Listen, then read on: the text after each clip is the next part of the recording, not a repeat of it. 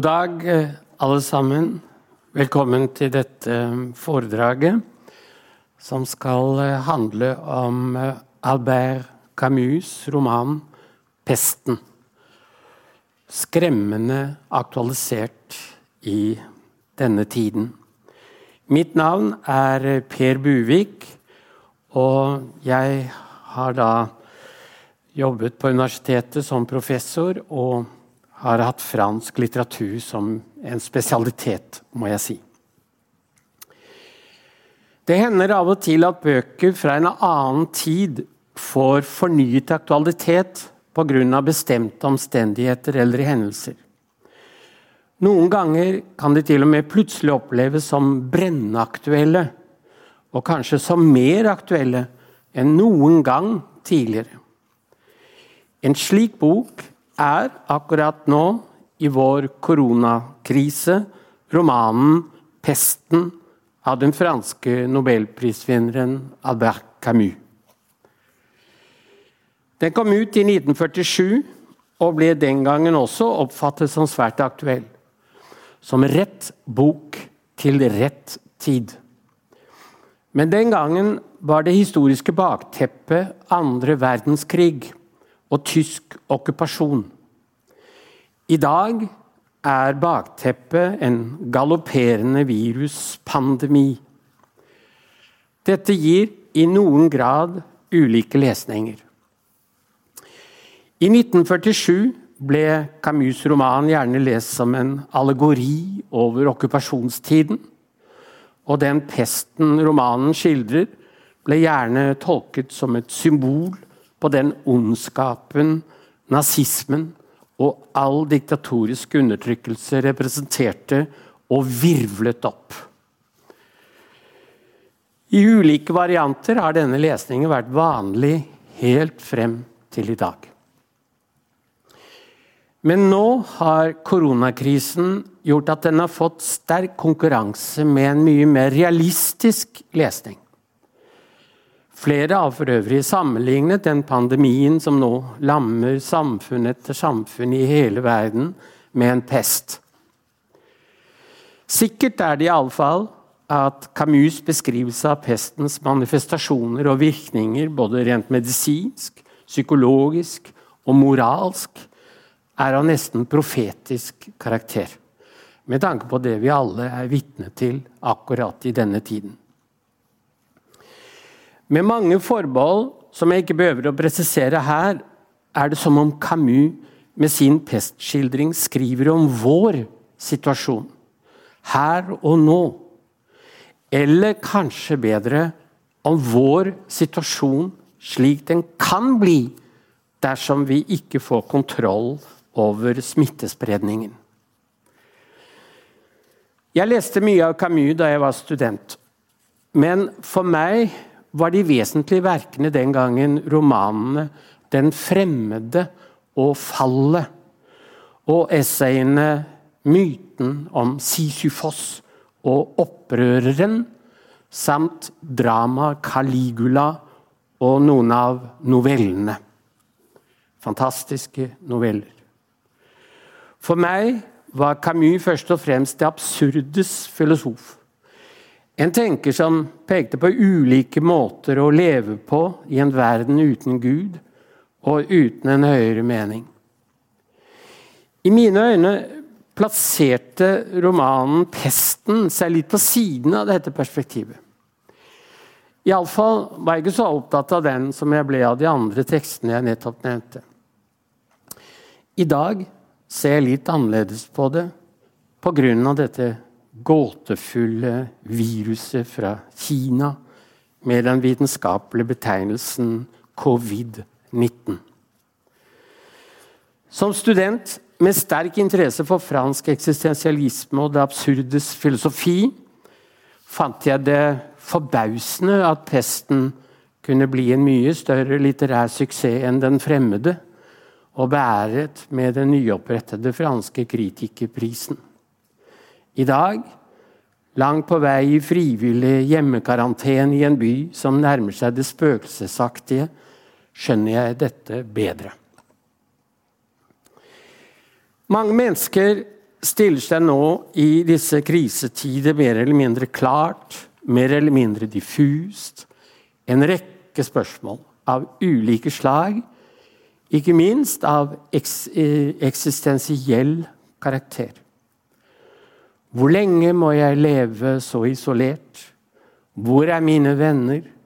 Hvem er egentlig mine venner? Har jeg levd slik jeg burde ha levd? Hvordan skal jeg leve når krisen forhåpentlig en gang er over? De av oss som betrakter litterære tekster som en viktig kilde til refleksjon, har et privilegium med tanke på slike store og vanskelige spørsmål.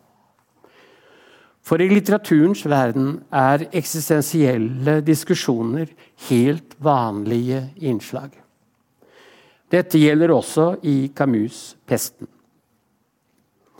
For Camus nøyer seg ikke med ufattelig realistiske beskrivelser av faktiske ytre forhold, men går likeledes inn i sine personers indre, i deres tanker, i deres følelser. Skjønnlitteraturen kan aldri erstatte faglitteraturen, men på dette punktet er den uovertruffen. Ingen litterære personer, og slett ikke personene i Camus' roman, lever imidlertid uavhengig av tid og sted og tidligere og nye erfaringer. Camus maner pestens virkelighet frem for oss så levende at vi opplever den som reell, som nesten like reell som den er for romanpersonene. Camus illustrerer slik på en fremragende måte litteraturens enestående evne til konkretisering og sanseliggjøring. Han nøyer seg ikke med å fortelle at så og så mange lider og dør av pest. Han beskriver også hvordan de dør, og hvordan de lider. Handlingen i Camus' roman er lagt til Algeries nest største by, Oran, hvor han selv vokste opp. På 1940-tallet er handlingen, utspiller handlingen seg. Pest hadde faktisk herjet ra i virkeligheten i 1557.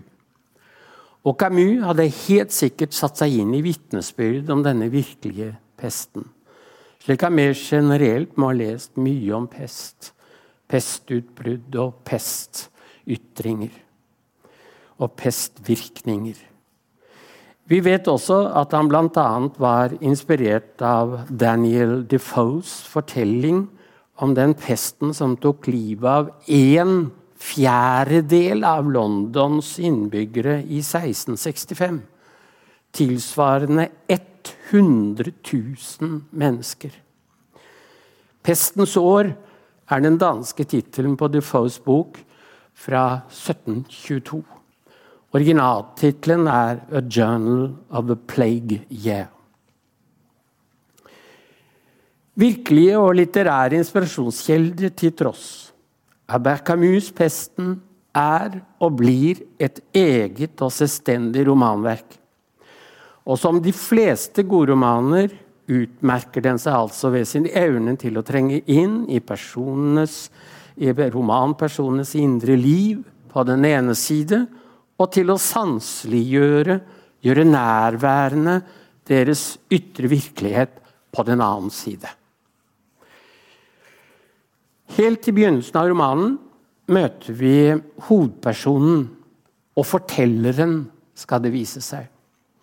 Legen Rieu. Og vi møter ham idet han blir konfrontert med det første tegnet på det han ennå ikke vet, ennå ikke kan vite, skal utvikle seg til en pestepidemi. Camus skriver da doktor Bernard Rieu om morgenen 16. april kom ut fra sitt kontor, støtte han på en død rotte på trappeavsatsen. Han skjøv rotten til side, uten å tenke over det, og gikk ned trappen. Etter dette hoper det seg opp med døde rotter overalt i hele byen. Fra den 18. april begynte fabrikkene og lagrene å oversvømmes av hundrevis av døde rotter. Den fjerde dagen begynte rottene å komme ut i flokkevis og legge seg til å dø, skriver Camus og fortsetter. Fra hull, kjellere og kloakker dukket de opp i lange, vaklende rekker, blinket mot dagslyset, rullet seg rundt og døde i nærheten av mennesker. Om natten hørte man tydelig deres små dødskrik i ganger og smug. I utkanten av byen fant man dem om morgenen med en liten bloddråpe på den spisse snuten, slengt ned i rennesteinen. Noen var oppblåst og råtne, andre stive med værhårene fremdeles rett til værs. I selve byen støtte man på dem i små hauger på trappeavsatser eller i gårdsplasser. Innimellom kom de for å dø én for én, i offentlige vestibyler, i skolegårdene, på kafeenes terrasser. 28. april, tolv dager etter at doktor Rieu hadde sett den første døde rotten, var det samlet inn omtrent 8000 av dem. Som under all pest sprer smitten seg snart ukontrollert til byens befolkning, og symptomene i Oran er alltid det samme som dem legen observerer på portneren i den bygården der kontoret hans ligger. Camus skriver Rieu fant sin pasient, portneren altså, halvt utenfor sengen med én hånd på maven og den andre rundt nakken, mens han i store rykk kastet opp rødaktig galle i en toalettbøtte. Etter store anstrengelser la portneren seg andpusten tilbake. Han hadde feber på 39,5. Kjertelen i nakken og i leddene var svulmet opp, og to svarte flekker bredte seg på den ene siden. Han klaget over innvendige smerter. Det brenner, sa han. Det svineriet brenner meg. Etter kort tid er antallet smittede og døde mennesker skyhøyt. Alt vi kjenner av tiltak nå under vår koronakrise, blir prøvd. Isolasjon, forsøk på å finne en vaksine, strenge hygieniske regler osv. Alt mens helsepersonell og frivillige jobber livet av seg. Men alle tiltak til tross, likene hoper seg opp og må tilintetgjøres. Først i massegraver, så makabert nok i krematorieovner. Oran stenger alle sine åpninger mot utenverdenen. Det blir umulig å forlate byen, og det blir umulig å komme inn i byen. Oran blir fortvilelsens, lidelsens og i bokstavelig forstand dødens by. Men selv i elendigheten overlever håpet. Håpet om at pesten en dag vil slippe taket og stanse sine herjinger. Håpet om at livet igjen kan bli som det en gang var. Og dette skjer også virkelig. Som eh, fortelleren, altså doktor Rieu, sier på slutten av romanen.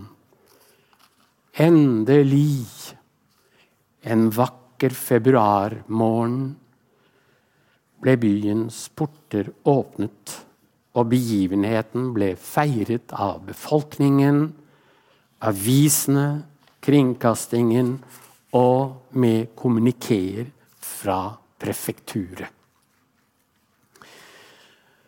Romanen har altså en lykkelig slutt. Men det finnes minst to ulike former for lykkelig slutt. Komediens og tragediens. Komedien er basert på hindringer og misforståelser som må ryddes av veien for at de involverte kan bli lykkelige. I mange komedier, svært mange komedier for at de to som elsker hverandre, endelig kan få hverandre. Tragedien er basert på at det finnes en grunnleggende uorden i tilværelsen. Og at skylden for det tillegges tragediens hovedperson eller helt. Som derfor enten må dø eller utstøtes fra fellesskapet. Men en del av den tragiske bevisstheten er at den egentlige årsaken til at det etablerte sosiale liv blir forstyrret og noen ganger forpestet, stikker At årsaken stikker mye dypere. I antikkens tragedier, i de greske tragediene, er årsaken til syvende og sist gudenes vilje. Derfor blir det aldri gjenopprettelsen av lov og orden, balanse og lykke definitiv. Ny forstyrrelse og uorden vil alltid ligge på lur og på nytt kunne ødelegge den freden og harmonien som er oppnådd. Slutten på en tragedie, med den lettelsen den alltid innebærer, er derfor aldri preget av glede og gledesrus som i komedien. I så måte ligger den positive slutten på Camus' roman nærmest tragediens. Det er for øvrig interessant at eh, romanen består av fem deler, slik tragedien gjerne består av fem akter. Likevel munner pesten ut på en helt annen måte litterært sett enn en tragedie. For i romanen dør ikke helten, og blir heller ikke utsatt for fellesskapets frykt og forakt. Tvert om. Han blir beundret. Men doktor Rieu fortsetter etter pesten å leve med en tragisk bevissthet som er fremmed for folk flest, og som trolig også ville vært uutholdelig for de fleste. Det avsluttende avsnittet i romanen understreker dessuten det alle fortolkere legger vekt på, at pesten i Camus' verk, i tillegg til å være en helt konkret forbannelse, også er et symbol på, eller snarere en allegori over, det onde i verden, den ondskapen som alltid har ligget, og alltid vil komme til å ligge på lur Altså langt hinsides nazistenes eller andres undertrykkelse. Og hinsides også pest og epidemi. Jeg har uh, sagt at uh, dr. Rieu viser seg å være romanens forteller. Men her, helt på slutten av romanen, liksom også flere steder når man ser nærmere etter, er det en forteller over Rieu. Og denne fortelleren kan ikke være noen annen enn Camus selv. Og um, hans ord på slutten er en påminnelse og en advarsel som de fleste gjerne stiller seg likegyldig til så lenge alt går dem bra i livet, og særlig når de nettopp har uh, befridd seg fra store lidelser og prøvelser. Camus sier på slutten eh, forbløffende at eh, ikke så mange pleier å sitere det, men eh, jeg siterer det her. Mens han, altså legen Rieu, helten i romanen, hørte gledesskrikene som steg opp til ham fra byen, hvor de jo feirer at eh, endelig, endelig kan vi leve som normalt. Da han hørte gledeskrikene som steg opp til ham fra byen, tenkte Rieu at denne gleden alltid er truet. For han var klar over at denne menneskemassen i fest ikke visste det man kunne lese i bøkene, at pestens basille verken dør eller forsvinner.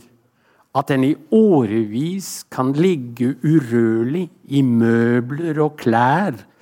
At den venter tålmodig i soveværelsene, i kjellerne, koffertene, lommetørklærne og i gammelt papir.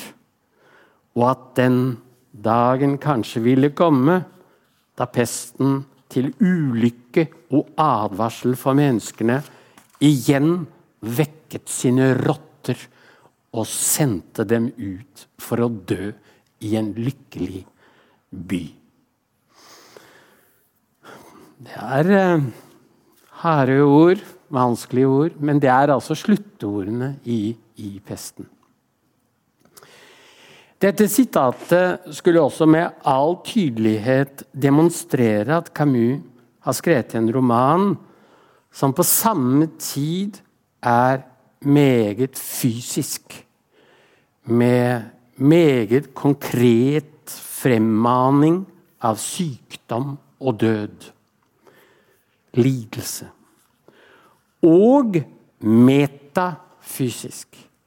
Med en vedvarende insistering på tilværelsens store spørsmål vedrørende det ondes nærvær i verden og meningen med det hele. Før jeg går videre, skal jeg si noe om handlingsgangen og om de sentrale personene i eh, romanen. Legen Bernard Rieu er vi alt blitt litt fortrolig med. Hans kone, som var syk, reiste vekk for eh, rekonvalesens før pesten brøt ut. Hun kommer aldri tilbake fordi hun dør under rekonvalesensoppholdet i en annen by. Derimot er eh, Rieus mor kommet for å hjelpe ham i huset under konens fravær. Og denne tause og beskjedne moren, men meget praktiske moren, og hennes ordløse kjærlighet er etter mitt syn et av romanens fineste innslag, som uh, stadig etter min mening har fått altfor liten oppmerksomhet i sekundærlitteraturen. I romanens første del møter vi dessuten dommeren Otton, den parisiske journalisten Rambert, den fremmede hotellgjesten Tarot, kommunefunksjonæren Grand, eller Grand om man vil, på norsk, hans nabo, rentenisten Cotard, og jesuitterpateren Panulo. Seks personer, seks menn. I tillegg møter vi den gamle, erfarne legen Castell, som Rieu kommer til å samarbeide tett med. Prefekten i byen vil først ikke høre på legens, legenes smittevernanbefalinger.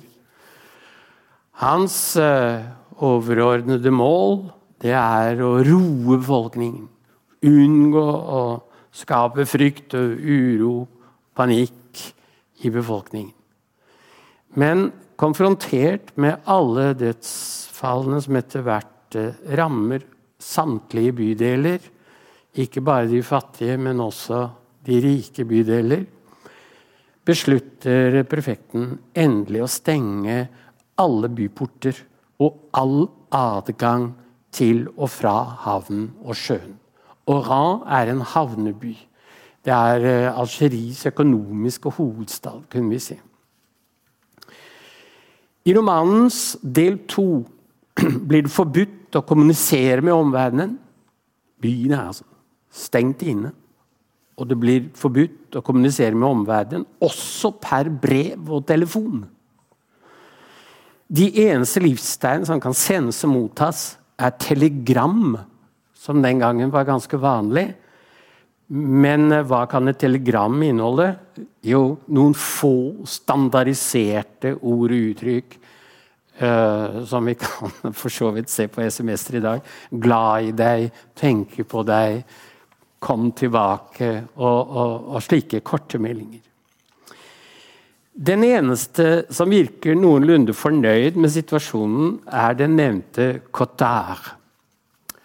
Hans nabo Grand er fullt konsentrert om å skrive et stort litterært verk som han aldri kommer lenger enn eh, til den første setningen på. En setning som han ustanselig bearbeider. Det, her må jeg skyte inn at uh, Jan Kjærstad hadde en kronikk om denne romanen i uh, Verdens Gang for ikke så lenge siden, noen dager siden. Og da hadde han en veldig positiv tolkning av denne komiske personen Grang. Og mente at han var et slags speilbilde av Camus, som hadde jo holdt på med denne romanen helt siden 1941. Selv om den ble utgitt i 1947 og hadde fått et nytt bakteppe. Men uh, den tolkningen av, uh, av uh, Grand, den, den syns jeg er kanskje litt forsert. Han skriver 60 sider, viser det seg på slutten. Og det er 60 sider med varianter av den første setningen i, i boken. Så det må vel handle like mye om litteraturens hva skal vi si, ubehjelpelighet i en så vanskelig tid som, uh, som om noe annet. Pateren, som jeg nevnte, jesuittepateren Panelou, benytter pesten til å vekke innbyggerne til fornyet tro på Guds allmakt, som Gud kan betjene seg av både for å straffe oss og for å frelse oss.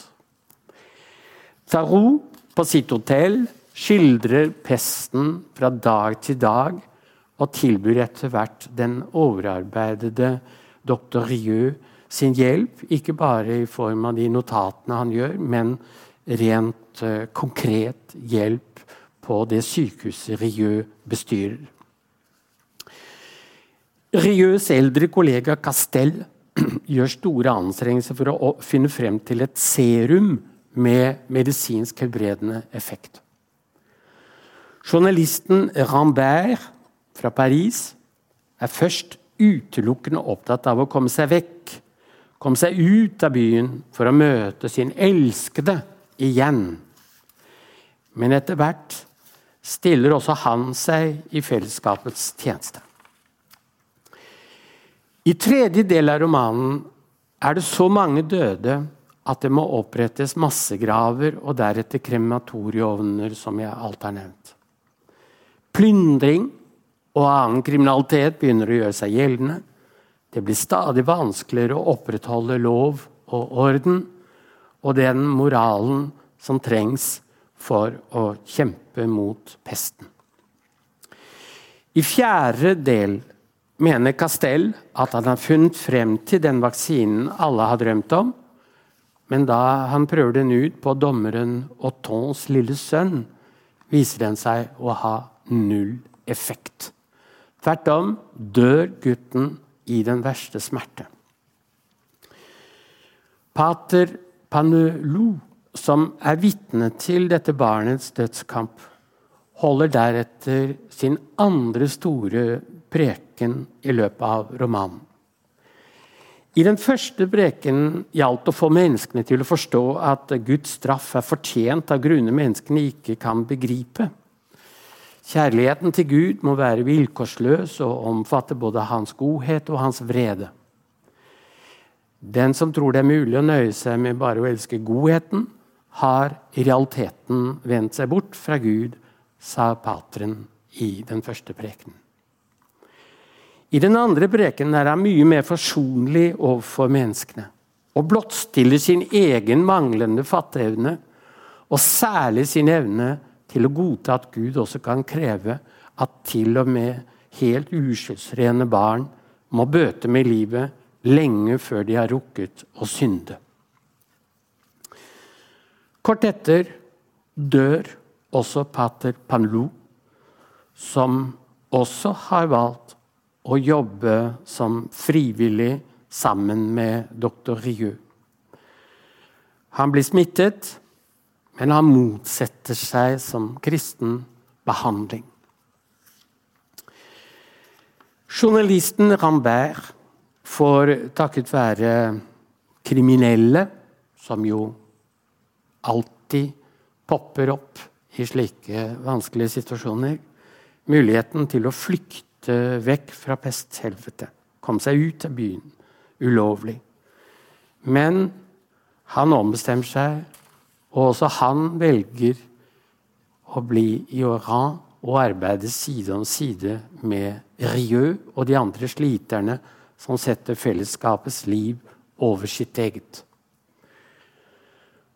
Også dommeren Otton, som en tid har vært isolert i en egen karanteneleir for smitteutsatte, melder seg til tjeneste. For å understreke at pesten ikke følger noe forståelig og noe fornuftig og forutsigelig mønster, la Camus, forfatteren som aldri får skrevet mer enn innledningssetningen på sitt store opus, også blir smittet. Men han, etter å ha gjennomlevd store lidelser, riktignok, han blir helt frisk igjen. Ottons lille sønn måtte dø. Grand, Grand får leve. Det er absurd, og det finnes ingen forklaring på det. I romanens femte del er vi kommet nesten ett år frem i tid, og pesten er på klar tilbakemarsj. 25.1 bebuder prefekten at byportene snart skal gjenåpnes. Eh, og dette skjer i februar. Men verken dommeren Noton eller den fremmede Tarot, som begge har engasjert seg i hjelpearbeidet, får nyte livet befridd for pest. For begge blir smittet og dør. Kommunefunksjonæren Cotard, som jeg så vidt nevnte, han eh, får absurd nok et psykotisk anfall og blir arrestert. Eh, det er noen kommentarer som tyder på at han, han tålte ikke overgangen fra den prestsituasjonen han hadde levd i under pesten, til friheten. Doktor Rieu får vite at hans kone døde under sin rekonvalesens et annet sted i landet, som jeg har nevnt. Av dette kan vi nok utlede flere budskap fra Camus og hans talerør Rieux side. Ett budskap er i hvert fall at eh, selv i det som fremstår som en kollektiv lykke, er det mange som enten dør før de får del i den, selv om de hadde fortjent det, og mange andre som ikke greier å bli lykkelige etter å ha opplevd så mye forferdelig som pesten har vært årsak til. Et annet budskap er at ingen lykke kan tas for gitt som tilstand. Den er alltid truet. Et tredje budskap tror jeg kan sies å være at solidaritet samhold, felles kamp, dugnad, som vi ser i Norge, mot et identifiserbart onde, her konkretisert som pest, er livets høyeste verdi. Og denne solidariteten, dette samholdet, denne kampen, denne dugnaden, trenger verken religionen eller en fasttømret ideologi som fundament og drivkraft. Det eneste som trengs, er å være i stand til å se virkeligheten, ta den inn over seg og reagere. Denne evnen er nedlagt i oss som mennesker synes å være Camus' oppfatning. Det er også omtrent det samme Rieu, hans hovedperson, sier. Det er flere livsfilosofiske vil jeg si, livsfilosofiske passasjer og dialoger i romanen. Noen av dem virker, det må jeg bare innrømme, litt oppstyltet. Og også nesten litt kvasi i dag. Det må jeg tillate meg å si. Dette er selvsagt ment som en kritisk bemerkning fra min side. Det står nemlig ikke til å nekte for at Camus kan ha en viss hang til store og noen ganger også svulstige ord. Det var nok derfor eh, jeg ikke ble så begeistret for 'Pesten' da jeg leste romanen som student første gang. Litterært sett styrker det ikke teksten at det nettopp er i noen av de svulstige eller nesten svulstige passasjene at Camus' beundringsverdige humanisme blir formulert. En humanisme ganske forskjellig fra den eksistensialistiske og mer abstrakte humanismen til hans venn Jean-Paul Sartre. At det noen år senere måtte komme til et ideologisk brudd mellom disse to vennene, syns jeg pesten bærer klart bud om. Camus elsket livet og menneskene. Tross alt, tross all absurditet, tross alle feil og svakheter. Sartre var ideenes mann, filosof, mer enn dikter. Camus var det menneskelige fellesskapets og det sanselige livets mann. Og dikter mer enn filosof. På tross av en viss sans for store ord, som jeg nettopp har sagt. Jeg har strevet litt eh, for å finne et godt sitat som avslutning på dette foredraget om pesten. Mulighetene er mange.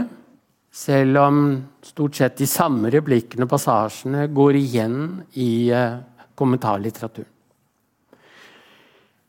Det jeg beundrer mest hos uh, doktor Rieu, er ikke det han sier.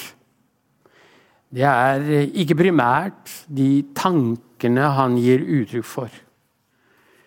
Det er hva han er, og hva han gjør. Sartre lanserte en veldig berømt setning blant flere, men ikke minst denne. Eksistensen går forut for essensen. Hvilket kan utlegges.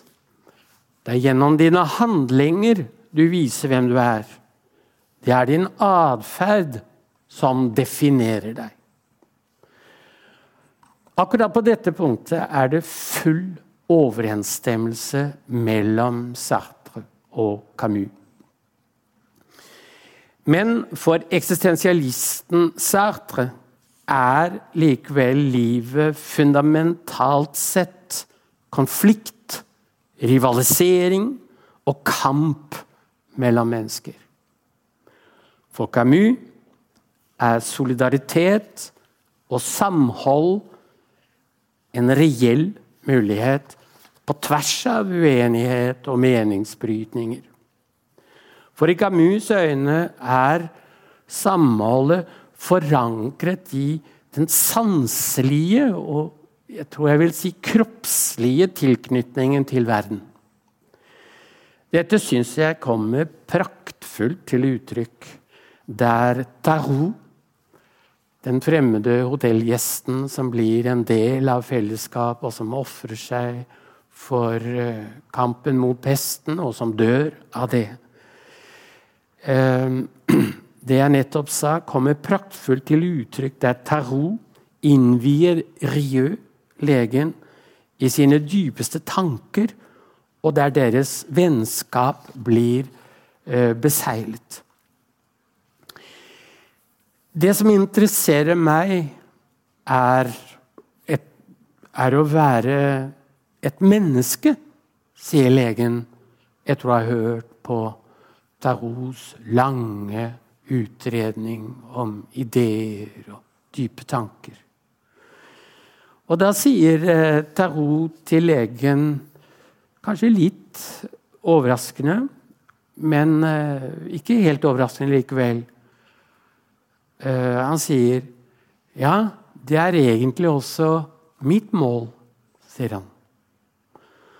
Og så kommer han med et forslag som ikke er forbausende i forhold til eller i lys av det jeg har sagt om Camus, men som likevel svært få har kommentert.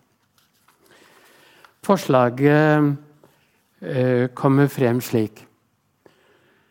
Vet De hva vi bør gjøre for vårt vennskap?